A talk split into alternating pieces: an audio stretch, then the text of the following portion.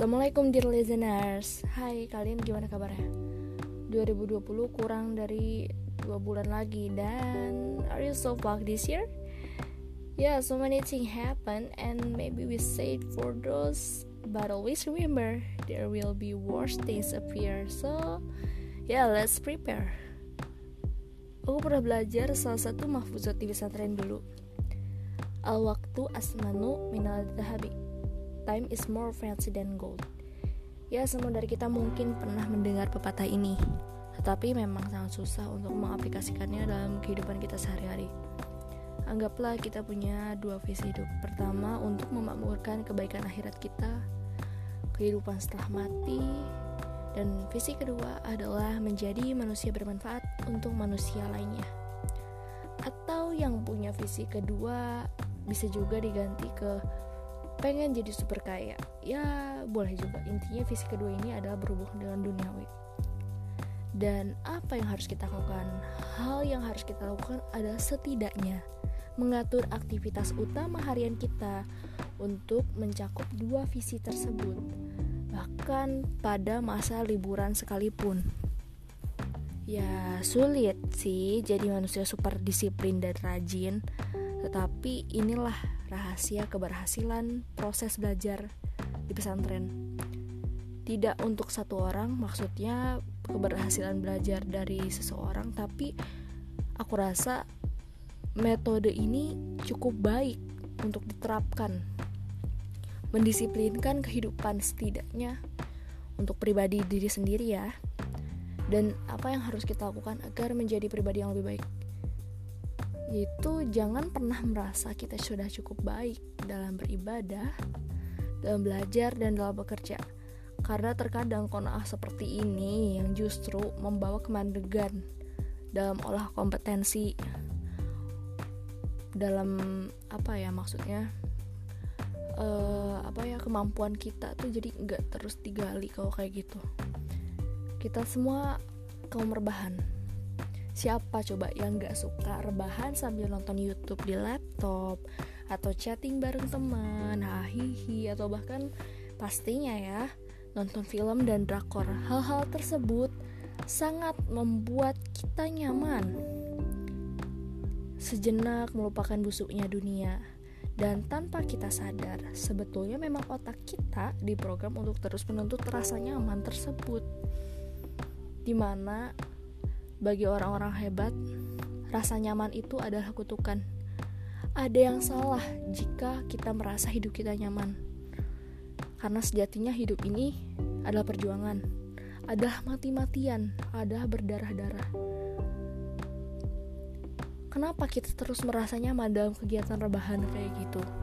Tanpa kita sadar, hormon dopamin dalam otak terus memberikan kita sensasi puas dan bahagia setelah melihat hal-hal lucu, hal-hal menyenangkan, hal-hal fancy, hal-hal menarik di scrolling-scrolling sosmed kita. Dan ketika kita sadar begitu banyak waktu kita terbuang, kita jadi kecewa noh pada diri sendiri.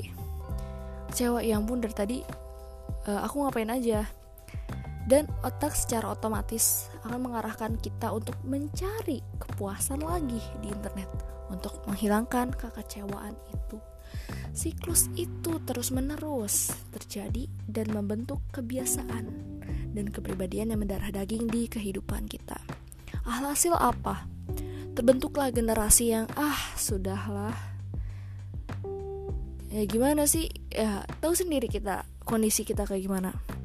Dan apa yang harus kita lakukan untuk berubah dan setidaknya mengubah dunia sedikit demi sedikit? Berlakulah seperti apa yang kamu inginkan dari kedua visi hidup kita itu. Ya misalnya kita pengen suatu saat naik haji ya ya udahlah kita nabung yuk dikit-dikit gitu ya. Jangan check out shopee terus tiap bulan pasti ada aja mata itilan gitu kan. Nabunglah sedikit-sedikit kita kan bisa lihat contoh banyak orang-orang yang maaf ekonominya mungkin di bawah kita yang di mana makan dua kali sehari aja tuh masih mikir. Tetapi bisa naik haji pakai tabungan sendiri. Kemudian misalnya kita sebagai pelajar kita ingin jadi pelajar yang berprestasi. Tidak berprestasi pelajar yang benar-benar origin pelajar aja.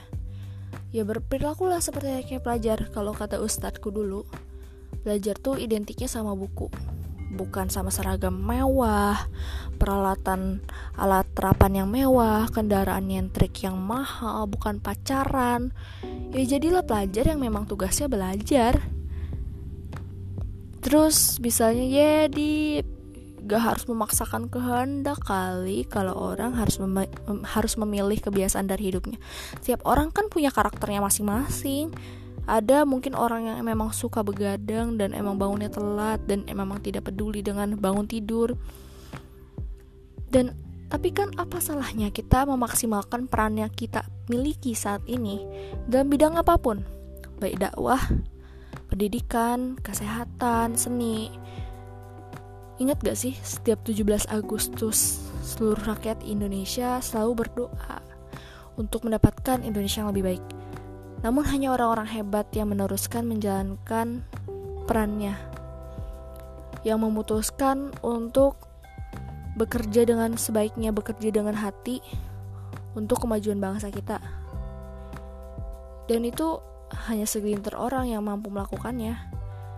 Dan gak mungkin orang-orang kayak gitu orang-orang yang bisa bikin bangsa kita bertahan bahkan dalam masa resesi kayak gini gak mungkin mereka orang-orang yang kerjanya rebahan scrolling jalan sana sini. Maksudnya ya mereka nggak punya kegiatan selain hiburan. Coba deh kita lihat tukang nasi uduk. Mereka masih bisa nafas loh saat pandemi. Gue pagi-pagi keluar belanja nasi uduk.